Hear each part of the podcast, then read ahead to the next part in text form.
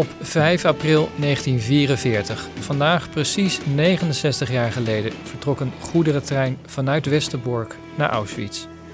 Aan boord van de volgestouwde veewagens het echtpaar Ossendrijver en hun zoontje David.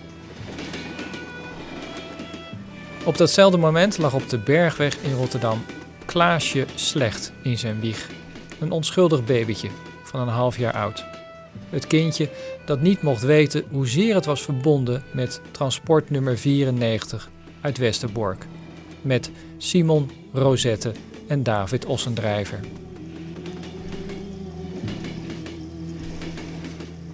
Maar er was wel dat kettingje dat de moeder van Klaas altijd droeg. Het kettingje met de Joodse Davidster. Klaas draagt het nu ook. Maar hij heet dan ook geen Klaas meer. Hij heet nu Joshua Ossendrijver. Dat gaat sinds mijn ontdekking nooit meer af. Ik heb het mijn uh, pleegmoeder zien dragen. Heb ik vaak gevraagd waarom draag je dat maar? Je bent toch geen Jodin? Gaf ze nooit antwoord op. Nu weet ik dat het van mijn echte moeder is geweest. En ja, ik, ik, ik voel haar. Dit gaat zelfs nachts niet af. Nee? Nee. Onder de douche? Onder de douche blijft het ook aan. Echt waar? Altijd. Ik voel me daar goed bij.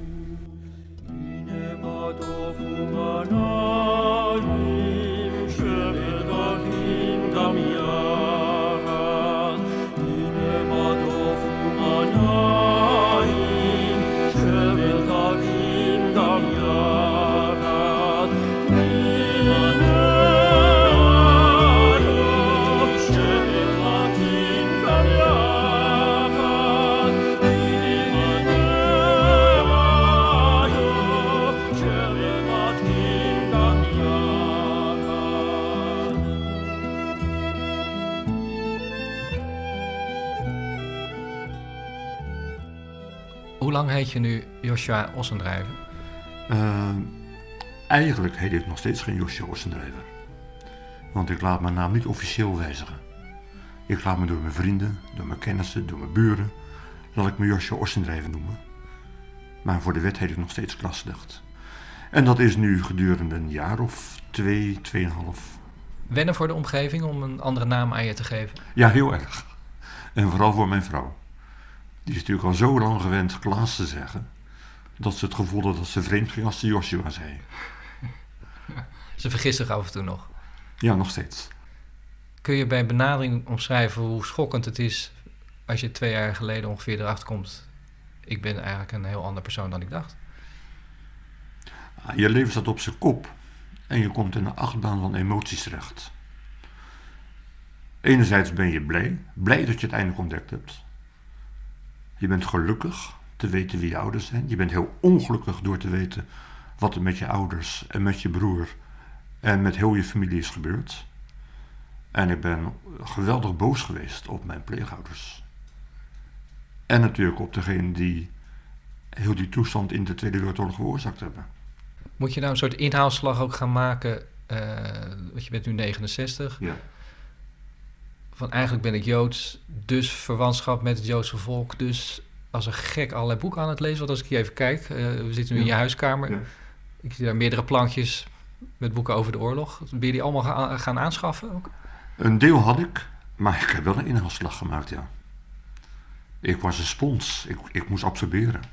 En voel je je nu echt Joods? Ja, met gek is dat heb ik heel mijn leven gevoeld. Alleen nu ben je bewust waarom je je Joods voelt. Maar ik heb altijd een verwantschap gevoeld met het Joodse volk. En het niet kunnen plaatsen? En het niet kunnen plaatsen. Waarom? Hooguit door dat kettingje van mijn, uh, van mijn pleegmoeder. Ja. Heb je je hele leven getwijfeld aan wie je was? Dan moet ik zeggen ja. Sinds ik allemaal puzzelstukjes op mijn weg heb gevonden die ik niet kon plaatsen, maar waarvan je wel eens een link had van dat zou die en die richting op kunnen duiden, heb ik gedacht, ik ben niet wie ik ben. Dit is een geheim. We gaan die puzzel proberen te maken uh, het komende uur. Doen we. We gaan beginnen bij uh, waar je opgegroeid bent. De Bergweg. Toen de groentezaak. Ik heb geen idee wat er nu zit. Maar dat zien we straks al.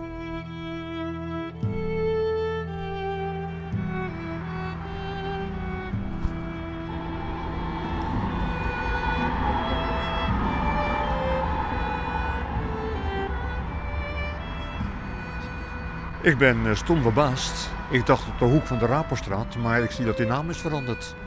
Het is nu Lauwerslootstraat. Hoek, uh, voormalige Raporstraat Bergweg. Dat is een modewinkel, dat was de groentewinkel? Dat was de groentewinkel van mijn ouders, van mijn pleegouders. Oh. Een van mijn eerste foto's die er van mij zijn gemaakt, is hier voor de winkel gemaakt. Als mannetje van één jaar in de hongerwinter. De overkant herken ik van de foto's. Maar hier in de, in de pui onderaan, daar zit een, een, een getrapt elementje in. Nou, dat herken ik zo van de foto.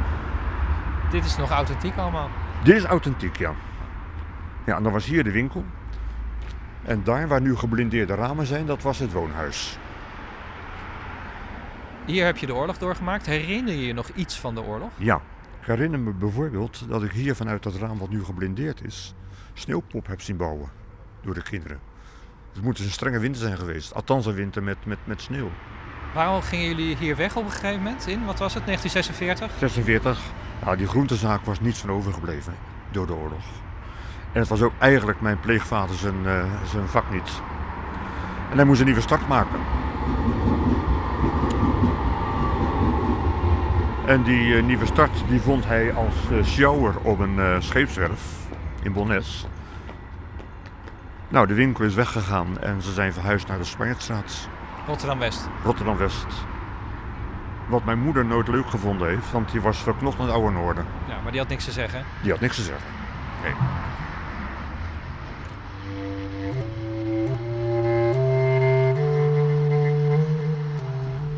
Nou, we zijn uh, bijna op het plekje waar, uh, waar ik dan heb gewoond. Wat was je voor kind? Uh, wat teruggetrokken, stil. Niet eenkennig, maar ik had niet zo'n behoefte om me bij een grote groep aan te sluiten. Piekeraar, denkertje en een lezer.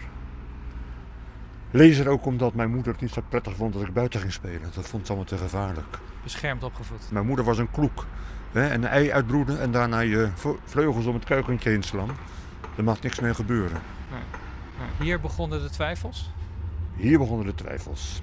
Ik was uh, een jaar of vijf ik lag in bed. En ome Hein was op bezoek. Ome Hein was helemaal oom van mij, was een collega van mijn vader. En ik vond het prettig om naar zijn stem te luisteren. Ome Hein was een, uh, echt een lieve man. En ineens hoor ik mijn naam noemen door ome Hein. En ik hoor hem zeggen: Het is een lief knulletje, maar ik ben bang dat jullie me niet kunnen houden. Dat blijft in je hoofd herhalen s'nachts. Dat ene zinnetje. Dat ene zinnetje. Eigenlijk herhaalt het zich nog in mijn hoofd. En toen heb ik de volgende dag toch de moed gevonden aan mijn moeder te vragen: waarom denkt oom Hein dat? En toen zei ze: eh, dat is heel raar, dat zeg je als moeder niet. Ja, dat weet je niet, maar oom Hein is bang dat je doodgaat.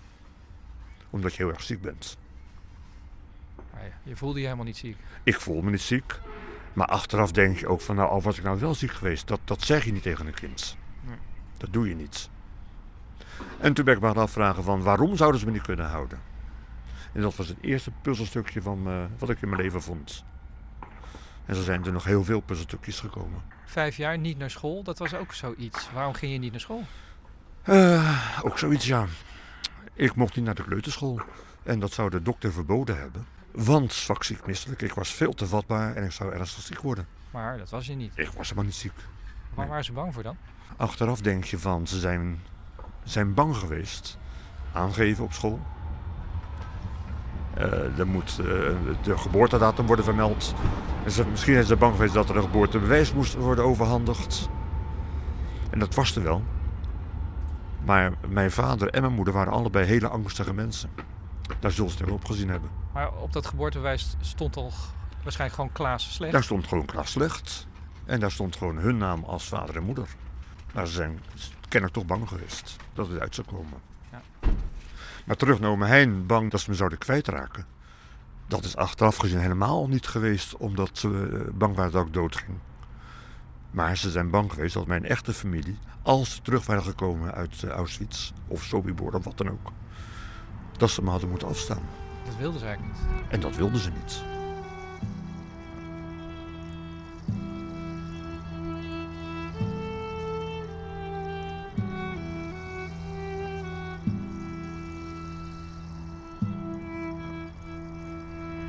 Een ander stukje van de puzzel, ook hier in de buurt, Ja. stond een groentekraam, begrijp ik. Ja, dat is helemaal aan het begin. We bij de? Schiermse weg. Daar stond een eh, groentekraam, nou fruitkraam was het meer, van Jaapie Querido. Nou, Jaapie Querido had het mooiste fruit wat je kon bedenken. Die was eh, bekend in heel Rotterdam. Ja. En mijn pleegmoeder, die was eigenlijk afkomstig uit de groentehandel in de oorlogsjaren. En dat was de eentje, of ze bij de slager was of bij de groenteboer, ze moest altijd het beste van het beste hebben, goede kwaliteit. Toch ging ze nooit, als ze met mij op de markt aan het eh, boodschappen doen was, nooit naar Jaapie. Daar ging ze met een grote boog omheen. En ze vertelde wel, Jaapie was eigenlijk heel zielig, want hij was zijn hele familie kwijtgeraakt in de oorlog. En dan dacht ik wel eens, dan moet je juist naar hem toe gaan.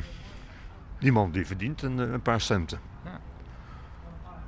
Ik weet sinds enkele jaren dat Jaapie Querido een neef was van mijn echte Joodse vader, van Simon Ossendrijver. Dus kennelijk is ze bang geweest dat hij eh, toch een familietrek in me zou herkennen. Ja. En dan heb je weer die angst die ze altijd hebben gehad. Nog een bijzonder voorval. Ja. Oude Dijk, Kralingen.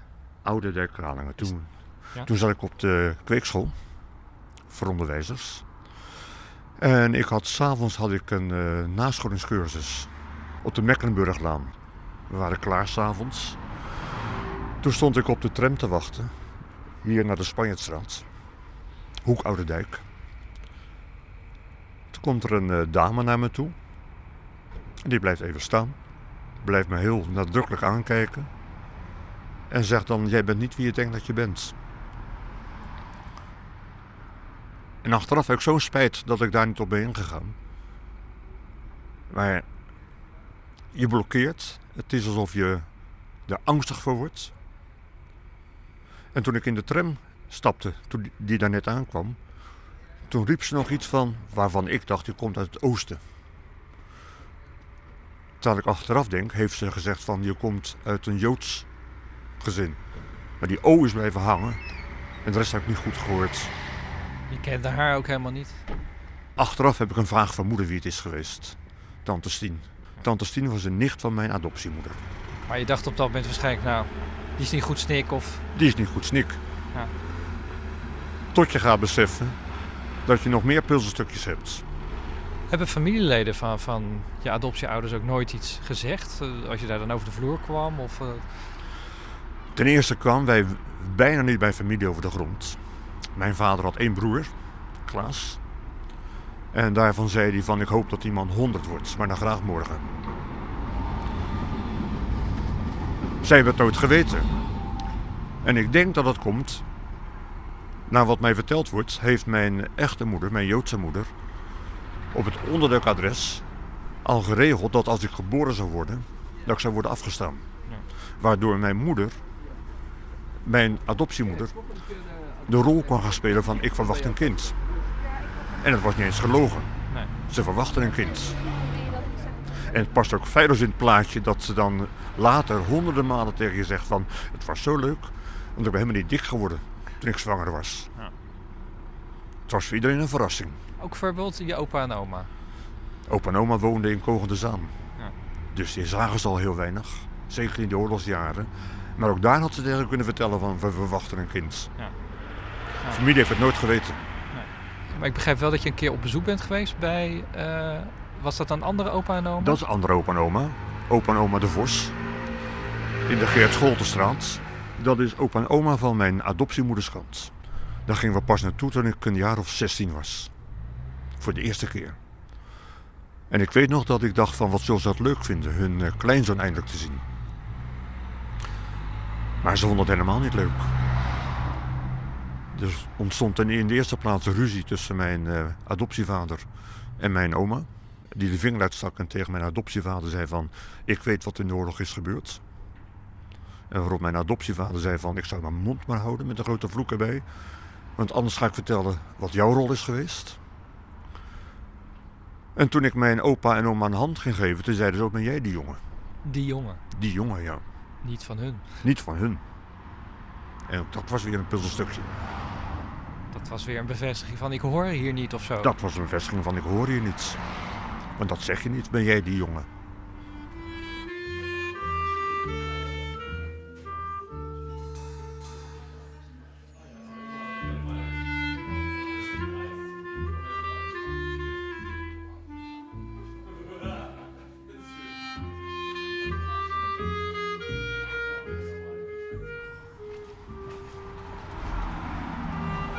Was altijd dat kettingje? Het kettingje wat mijn uh, pleegmoeder droeg. David sterretje. En toen ik ouder werd, dan ging je over verbazen. Dan dacht je, mijn moeder is dan niet Joods. Heb ik ook herhaalde malen aan haar gevraagd. En dan gaf ze nooit antwoord. Ze deed alsof ze niet hoorde. Of ze zei, oh, dat komt nog wel eens. Pas in haar uh, laatste levensjaar toen heeft mijn dochter Siska aan haar gevraagd: Waarom draag je dat, oma? En toen had ze gezegd: Het heeft me één keer in mijn leven geluk gebracht. En verder niks. Verder niks. Zwijgen. Zwijgen. Ik heb nu een foto gezien van mijn echte Joodse moeder. Roos Sanders. Toen was ze een jaar of veertien. En wat draagt ze daar? Ditzelfde Davidsterretje. Het zeshoekige sterretje. Gevat in een cirkel. Dit is van mijn uh, Joodse moeder geweest. En is bij mijn geboorte meegekomen.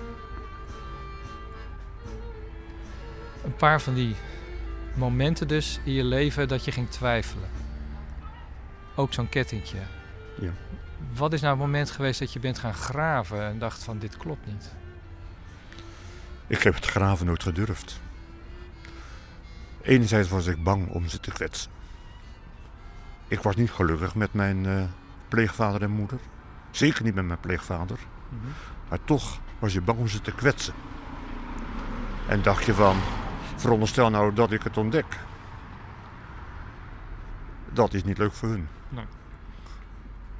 Maar je had ook geen idee waar je moest beginnen. Je wist geen naam, niks. En ik denk ook dat ik bang ben geweest hoor, om de waarheid te ontdekken. En niet mee geconfronteerd willen worden.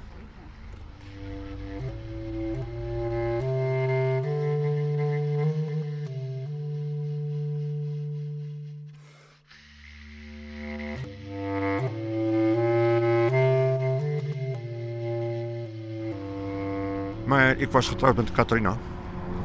En Katrina's ouders overleden. En Katrina had wel hoop gegevens over de familie. Maar ze wilde dat wel eens op papier hebben. En als het kon ook wat verder terug. En toen ben ik samen met een eh, vriendin van mij, Louise, ben ik die stambomen gaan uitzoeken. En toen ineens had ik de drang van, ik wil ook ergens toe behoren. Ik ga mijn eigen stamboom Ik ga mijn eigen stamboom na. Ja. Alleen dan nog blijft het punt, je weet niet waar je moet beginnen. En toen ben ik begonnen met de stambomen na te pluizen van mijn adoptievader en adoptiemoeder. Waarvan ik dan toen ben uitgegaan dat dat mijn ouders waren. Ja. En wat was het moment dat je ontdekte, hé, hey, nu heb ik een spoor. Hier klopt echt iets niet. Ik was dan overtuigd dat als al ergens bekend was wat er met mij eh, echt aan de hand was, dat dat bekend moest zijn aan de kant van mijn oma in de Geert Scholtenstraat. De moeder van mijn adoptiemoeder. Nou, die mensen leven niet meer. Maar ik ontdekte een achternichtje wat nog wel uh, zou kunnen leven, Ineke. Maar ook de moeder van Ineke bleek nog te leven. En dat was een uh, nicht van mijn adoptiemoeder dan. Tante Beppie, tante Beppie was bijna 90. Zit in een verpleeghuis. Korte geheugen is niks meer. Leeft in het verleden, maar dankzij dat zij in het verleden leeft, weet ze ook nog heel veel van het verleden. Ja. En de eerste keer dat ik met tante Beppie kwam, heb ik gevraagd aan haar van... Moest kijken, tante Beppie, ik draag hier een Davidsterretje. Dat droeg mijn moeder altijd. En toen keek tante Beppie me aan. Toen zegt ze, ja, dat klopt. Dat heeft Annie, zo heette mijn uh, adoptiemoeder... Dat heeft Annie gekregen van, uh, van een vriendin van haar. Was dat een Joodse vrouw, tante Beppie? Ja, was een Joodse vrouw. En als je aan verder wilt gaan vragen, dan, uh, dan sluit ze. Ze zegt niks meer. En toen ben ik herhaaldelijk blijven aandringen, keer op keer, elke keer wanneer ik kwam. En uiteindelijk heeft ze de waarheid verteld. En wat vertelde ze? Ze vertelde eerst op een dag dat uh, het was een eh, Joods gezin geweest met een uh, zoontje, David. En David kende ze heel goed, want ze ging met David vaak wandelen. Maar dat dat Joodse gezin was uh, opgepakt op het Pijnakerplein, waar ze ondergedoken hadden gezeten. Toen pakte ze mijn hand. Toen zegt ze, je moet me één ding beloven. Het blijft geheim. Dat hebben we destijds allemaal beloofd.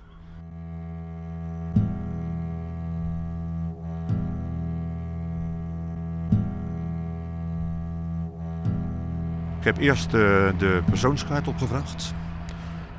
En dan zie je dus dat uh, alle drie als uh, overleden zijn opgegeven. Mijn moeder en David op 8 april 1944, Auschwitz. En mijn vader staat genoteerd op 18 januari 1945. Hier wonende aan de Spanjaardstraat. Ja. Enigskind. Ja. Je had wel altijd het idee dat je een broertje had, hè? begrijp ik. Ja. Dus dan zijn we weer terug bij het ouderlijk huis op nummer 121. Daar zat uh, op de gang, boven aan de trap, zat een toilet. En het toilet kan ik uittekenen, nog steeds. En vanaf het begin, toen ik hier woonde, het was ik een jaar of drie, had ik daar hele gesprekken. Op de wc? Met, op de wc, met een klein mannetje. En dan vroeg mijn moeder wel eens van, met wie zit je te praten? En zonder na te denken zei ik, dat is mijn broertje. En ik heb het gevoel dat ik altijd met David verbonden ben. Of ik echt met David heb zitten praten, ik weet het niet. Maar ik voel me wel verbonden met hem. Ja. Altijd. Maar waar woonde die echt? In Rotterdam? David heeft in Rotterdam gewoond. Voordat hij werd gedeporteerd. Hij uh, heeft gewoond op de Schieweg. Dat is het laatste adres waar ze hebben gewoond voordat ze onderdoken. Schieweg, dat is waar je ouders en je broertje langere tijd hebben gewoond. Daar hebben ze langere tijd gewoond.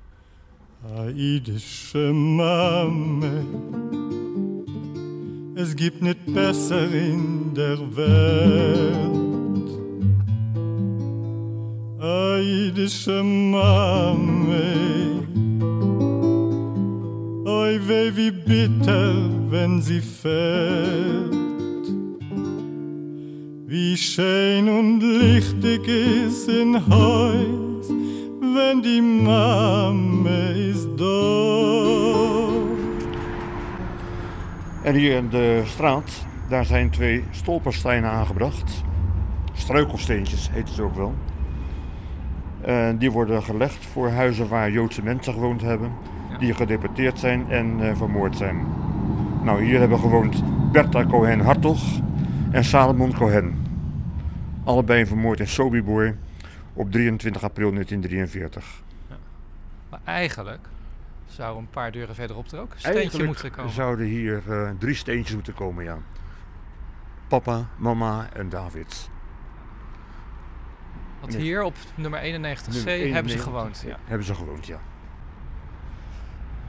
Je bent begonnen met dingen op te schrijven voor jezelf sinds je definitief weet wie je bent. ja. Daarin eh, zitten ook ja, fictieve brieven aan je broer. Zou je een stukje willen voorlezen aan wat je hem eh, Doe ik. Aan het schrijven Dat is een stukje uit mijn boek dan. Daaf, ik volg je voetstappen. Ik heb contact met de mevrouw, Ilonka heet ze, die nu in jullie huis op de Schierweg woont. Binnenkort ga ik bij haar een kopje koffie drinken. En dan zal ik weer op een plek zijn waar jouw hart heeft geklopt. Waar je stem heeft geklonken. Waar papa heeft genaaid in zijn atelier. Waar jullie voetstappen zijn achtergebleven op de uitgesleten stenen trap vanaf de straat naar boven. Waar ik misschien zelfs wel verwekt ben.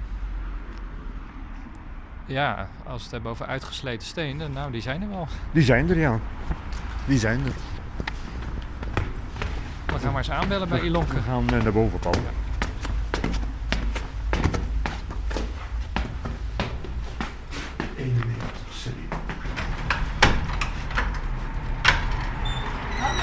Ilona. Hallo. Morgen, Hoi. Ilona, hallo. Mag ik naar boven? Ja, loop maar door, allebei de trap op.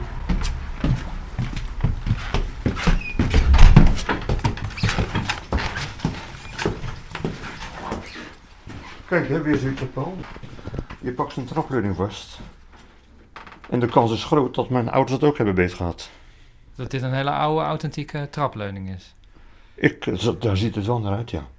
Ilona, jij woont hier eh, nu een aantal jaren. Hebt gehoord van eigenlijk de geschiedenis van Joshua en dacht, kom maar langs. Dat is wel bijzonder. Ja, ja, dat klopt. Ik eh, zag hier eh, drie huizen terug in de straat zag ik die stolpersteinen Ja, liggen. zijn we net geweest, ja. Ik zag dat liggen en ik vroeg me af, ja, wat is dat en wat, wat zit erachter? Dus toen heb ik op internet gezocht en toen kwam ik op het Nationaal Joods Monument.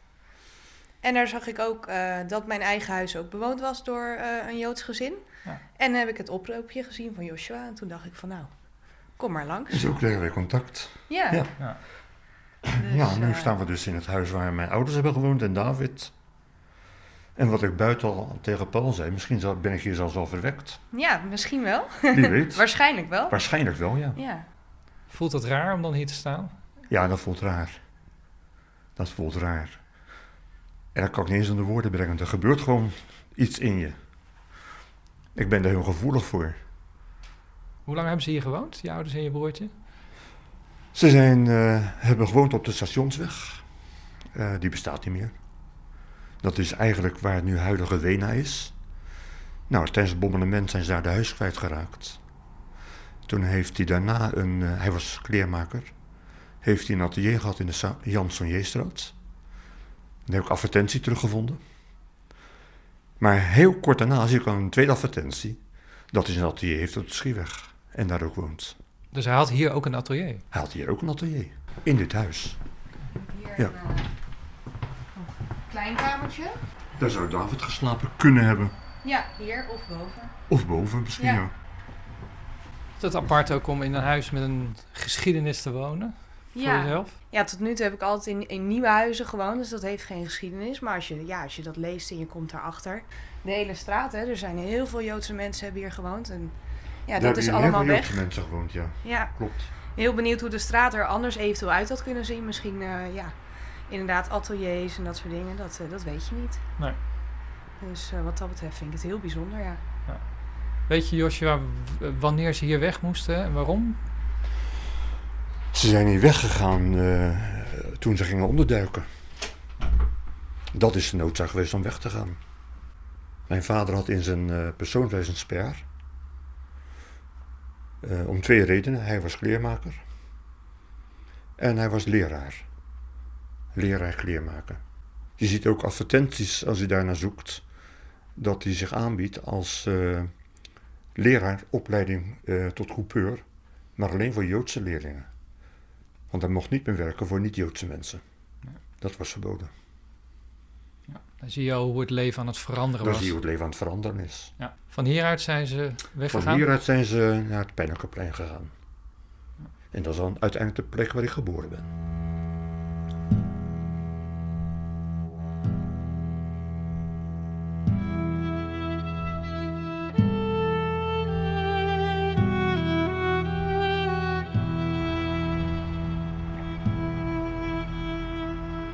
Is het Pijnakkerplein. Hier ben je geboren. Hier ben ik geboren, ja. Dat wil zeggen niet op het plein, maar in een van deze In woningen. een van deze woningen ben ik, dat was toen een onderduikadres, ben ik geboren. Maar je weet niet welke het is. Geen idee. Niet na te gaan. Ik heb eh, eh, geprobeerd bij het archief in Rotterdam inzage te krijgen in de politiearchieven. Want ik ben geboren na een inval toen ze verraden waren. Maar die archieven, die ze, die ze blijken dus eh, aan het eind van de oorlog moedwillig vernietigd te zijn. Echt uitwissen van Echt sporen. uitwissen van sporen. Ja. Zoals ze de sporen van mijn bestaan hebben uitgewist, van mijn ont- ontstaan. Zo is ook dat uitgewist. Verdoezeld. Maar je zegt geboren na een inval. Dus op een goede dag kwamen de Duitsers hier. Dat was eh, november 43. En tante Beppie vertelt dat eh, ze de wagen ingeschopt zijn. Je ouders. Mijn ouders En je hoogzwangere moeder. en mijn hoogzwangere moeder. En dat toen de weeën begonnen. En als ik dan aan tante Beppie vraag van... Wat is er met het kind gebeurd? Dan zegt tante Beppie... Er zijn ook goede Duitsers geweest. En één goede Duitser was daarbij. En die heeft ze uitgelaten en gezegd van... We komen uh, bald terug. Jouw vermoeden is dat deze Duitser dacht... Ja, een zwangere vrouw oppakken gaat wat ver. Ik waarschuw ze. Dat denk ik. Of hij heeft opgezien tegen alle consequenties die het had. Wat, wat moet je met zo'n vrouw en een pasgeboren baby? Maar laten we vanuit gaan dat hij goede bedoelingen had. Je bent hier geboren Ja. en toen onmiddellijk afgestaan. Ja, ik ben toen in een eh sjaal gewikkeld, zegt tante Beppie. Alleen een sjaal. En ik ben met een stapeltje bankbiljetten afgeleverd bij mijn oma. Die hier in de Geert Scholtenstraat woont. op de Hier schuin tegenover. Hier schuin tegenover. Maar niet meteen aan je adoptiemoeder meegegeven. Nee. En ik denk dat dat het, het te maken heeft met het feit... Ik moest wel over straat. Ja. En men heeft geen risico willen lopen. Ja. En dat zo dichtbij mogelijk willen doen. Ja, en na drie dagen dan wel eh, En na drie dagen ben ik naar mijn eh, adoptieouders gegaan. bergweg. Bergweg. Waarom kon je eigenlijk niet gewoon geboren worden in dat gezin en dan dat verder is- onderduiken? Ik denk dat een baby onderduikadres levensgevaarlijk is.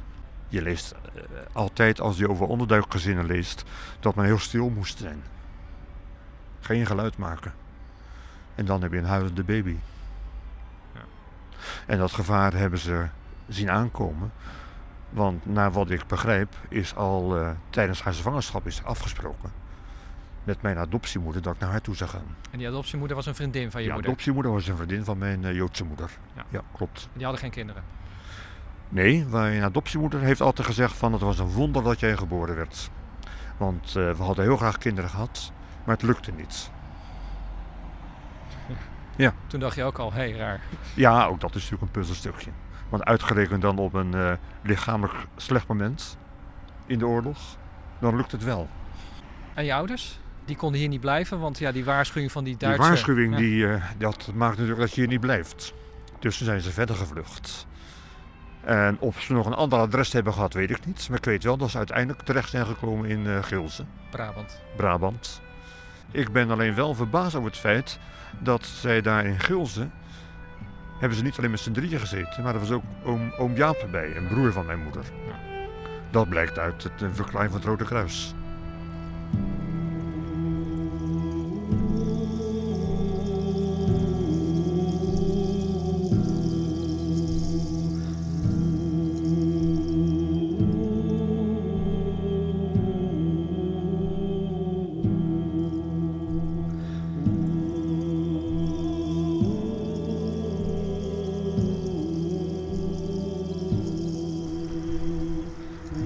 Café Schutterslust in Molenschot, dat was het laatste onderduikadres van ze. En dat heet nog steeds zo. En dat heet nog steeds zo, ja. En het is ook nog steeds een café, een En het is nog restaurant. steeds een café. En hun kamertje zat hier boven de bar. En vanuit dat raam, dus kijk wat een uitzicht we hebben over de weg. Je kan niet voorstellen dat je hier gevaar loopt. Nee. Je moet het aanzien komen. Het is toch gebeurd. En hoe lang hebben ze hier gezeten? Eh, vanaf november, neem ik aan, tot eh, 15 februari 1944. Ja. We gaan naar binnen. We gaan naar binnen. Hallo. Goed, vanuit het café, trap naar Vanuit het boven. café gaan we weer de trap omhoog. En dat was mij emotioneel de vorige keer. Ja, je gaat die trap op waar ook je ouders en David naar boven zijn geweest. Eh, je pakt de trapleuning vast die zij ook vast hebben gehad. Het is alsof je hun, eh, hun handtasten voelt. Dit is ongetwijfeld anders dan het toen was. Ik weet niet of het veel veranderd is. Nee? Dat denk ik niet, hè, Rian? Goed, want we zijn hier niet alleen. Jullie zijn.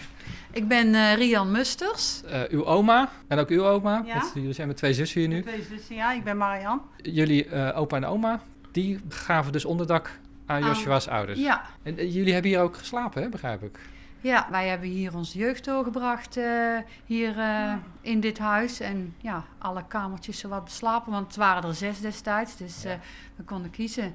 En wisten jullie dat hier Joodse onderduikers hadden gezeten? Dat hebben wij van mijn moeder gehoord. Mijn moeder had het er altijd over, omdat op mijn slaapkamer zat een luik.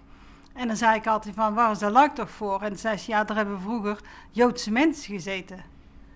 Dus En als Ja. er een onraad was, konden ze door het luik. ja, Ja. konden ze daar eh, zich verstoppen. Is dat luik er nog? Nee, mijn vader heeft het destijds al dichtgemetseld. Dat weten wij zelf ook Ja. nog. Waar, is dat aan te wijzen waar het was? Ja, Moeten we even deze deur door? Dat was hier, in deze kamer. ja. Nou, en ons bed stond zo. En dan hier in die hoek Dan had je, dat, was dat luik. Een lange tijd stond ons bed daar gewoon tegen. En dan, ja, dan zag je eigenlijk gewoon helemaal niet, want daar was een ingebouwde kast. En eh, op een gegeven moment is dat bed van de kant gekomen of zo. En toen zeiden wij van, hè, waarom zit daar een luik? En toen is eigenlijk dat verhaal Ja. ook, hebben wij dat Toen verhaal mijn moeder altijd gezegd van, eh, nou daar hebben joden gezeten met een kind. En ja, ver- we hebben daar nooit verder op doorgegaan. Ja, hierachter was er nog wat loze ruimte waar ze Ja. dan weg konden kruipen. Ja, dat klopt. Want als je, dit is de vloer en als, dat, loopt, dat dak loopt dus verder door. Ja. En dan krijg je aan de buitenkant dus de dakgoot. Dus je hebt er altijd nog een eh, meter of zo ruimte maar, waar je achter kan. Ja. En ik vermoed dat ze verder, gewoon als er niks los was, gewoon altijd eh, hier op die slaapkamer en misschien ook wel beneden kwamen. Ja, of op die, eh, op die zolder. Want wij vroegen toen wel van wat is er met die mensen gebeurd? En toen zei ze, nou die zijn opgepakt. Wij hadden altijd zoiets met ehm dode herdenking en zo. Als je die reportages dan ziet op tv, daar hadden we altijd zoiets van, ook toen onze moeder nog leefde, van wat zou er nou van terechtgekomen zijn? Hè? Zou iemand het overleefd hebben of zo? En toen vorig jaar, precies op dode herdenking, Precies op doodherdenking Ja. heb ik het jou kunnen vertellen, ja. bericht. Ja, ja. heel Ja. raar. Het leek net alsof de familie terugkwam. Zo, Ja. Ja. we hebben altijd met dat verhaal geleefd. En eh, ja, niet wetende van wie hebben hier nou eigenlijk gezeten. En dan kwam Ja. Joshua ook nog met de foto. Ja, Ja. en eh, ja, dan krijgt het ineens een gezicht zoals je Dan zelf ook zei. gezicht, ja. dat heb ik zelf ook ervaren. ja, ja, Doodherdenking is mij altijd belangrijk geweest, ook toen ik het nog niet wist. ja. Maar vanaf het moment dat je het wel wist en de foto van je vader en moeder en van David in je handen had, dan krijgt het ineens een gezicht. ja, precies. We hadden het er in de Schieweg al over. Vreemd om daar te staan waar je ouders en je broertje hebben ge- gewoond, geleefd. Dat heb je hier ook. Dat heb ik hier nog sterker. Ja. Dit was het eindstation. Ja. Dit is, dit is fataal geweest. Ze zijn hier 15 februari weggehaald en zijn op 29 maart aangekomen in Westerbork. Nou, in Westerbork kwamen ze aan in barak 67. Ze waren strafgevangenen. Het waren criminelen die de Duitse wet hadden overtreden door onder te duiken. En dan kwam je in barak 67. Dat is trouwens ook de barak waar Anne Frank gezeten heeft.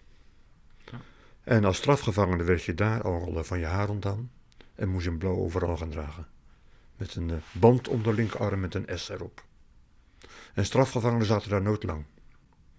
Ze zijn op eh, 5 april 1944, dus zeven dagen later, afgevoerd naar Auschwitz. Dit is ook een emotionele plek voor je, Joshua. Omdat ik denk dat je je realiseert, ja, ik had hier ook kunnen zitten. En was het ook mijn laatste plek in Nederland geweest. Dat moet een hele rare gedachte Dat zijn. is een eh, rare gedachte. Daar ben ik me steeds meer van bewust. Als ik niet was afgestaan, dan was ik hier ook, had ik hier ook gezeten. En ik was ook op 8 april 1944 eh, aangekomen in Auschwitz. Dat is een eh, nare gedachte. Dit was het eh, eindstation voor je ouders. eh, eigenlijk van hun normale leven zou je kunnen zeggen. Voor jou was dit ook een beetje het, ja, het einde van de puzzel. Het was, was duidelijk wat hen was overkomen, wie jij zelf was. Ja. Ehm, De puzzel was compleet. geeft dat ook een bevredigend gevoel? Ja, heel erg. Ik ben een ander mens geworden.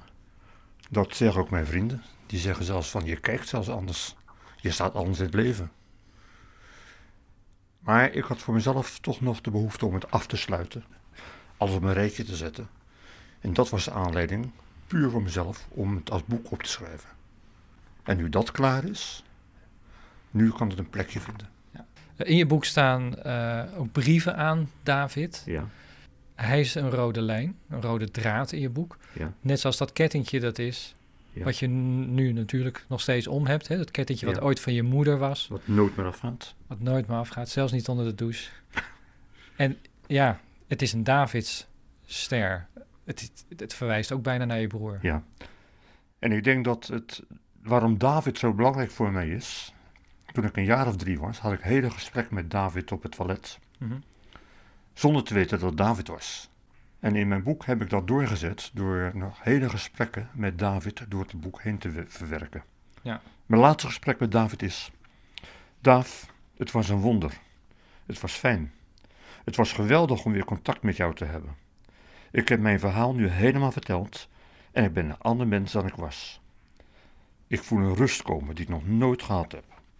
Het heeft me goed gedaan dat ik alles heb kunnen verwoorden en dat je hebt geluisterd, hoewel het hele verhaal jou bekend was. Maar misschien wist je niet wat er later allemaal is gebeurd. Maar eigenlijk, Daaf, denk ik dat je het wel wist. Je bent nooit meer bij me weggegaan, altijd gebleven. Alleen had ik verleerd hoe ik jou kon zien. Het is goed, Daaf, dat wij als twee broers in elkaars gezelschap zijn, zoals in het traditionele Joodse lied Hinematov. Hinematov מנעי, שבט אחים גם יחד, הנה מה טוב ומנעים, שבט אחים גם יחד, הנה מה טוב, הנה מה טוב, לה לה לה לה לה לה.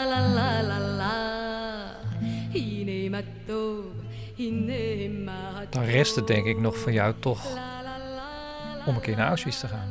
Ja, dat zit in de planning. Het is tweeërlei, hè? Ik zie er ontzettend tegenop, omdat het zo emotioneel is. Aan de andere kant, dat heb je ook wel gemerkt vandaag nog. Ik vind het uh, mijn opdracht om in de voetstappen te gaan staan van mijn ouders en van David. En daar liggen hun laatste voetstappen.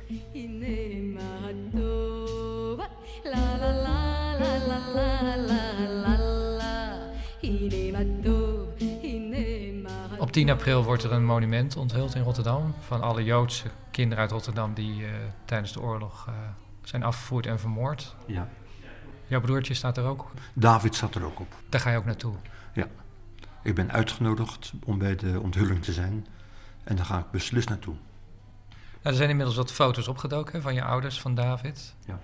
Ja, dan kijk je naar jezelf bijna. Dat moet ook heel emotioneel zijn geweest. Ik weet nog goed, toen ik de eerste foto in handen kreeg van mijn ouders en van David... dan krijg je een emotie waar nog geen woord voor bestaat. Het is onbeschrijfelijk. En daar zag ik, ik heb zelf ook even gekeken, ook een foto van je moeder als kind met dat kettingje, hè? zelfs ja. ingekleurd. Zelfs ingekleurd, ja. ja. ja. Oorspronkelijk een zwart-wit foto, maar het is ingekleurd. Ja. ja. Een beetje goudkleurig. Uh. Ja. ja. Wat moet er nou met dat kettingje gebeuren? Ooit. Goeie vraag, Paul. Moet dat, uh, ja, moet dat ook zijn weg vinden bij jouw kinderen? Moet het als een soort talisman in de familie blijven? Of zeg je, dat neem ik mee? Nee, het moet wel in de familie blijven. En als ik kijk hoe mijn uh, jongste kleinzoon Pepijn met het hele verhaal bezig is... dan denk ik dat het naar Pepijn moet. Pepijn voelt zich verbonden met mijn verhaal. Toen Pepijn mijn verhaal hoorde, hij vroeg naar van... Opa, jij heet Klaas, maar waarom nu iedereen jou Joshua? Toen was ik even stil, want wat ga je een kind van acht jaar vertellen? Ik heb het eenvoudig verteld, met weglating van alle nare dingen. Toen was hij stil, toen zei hij... Opa, jij bent een Jood? Ja, dan ben ik een klein Joodje. Ja, dat kettingje moet naar hem toe. En wat moet er met mijzelf gebeuren? Daar heb ik ook wel ideeën over. Als ik dood ben, ik wil niet begraven worden. Mijn ouders zijn gecremeerd. David is gecremeerd. Dat wil ik ook. Maar de helft van mijn as wil ik in Auschwitz hebben. Dan ben ik toch bij papa, mama en David. Ine modo fumanai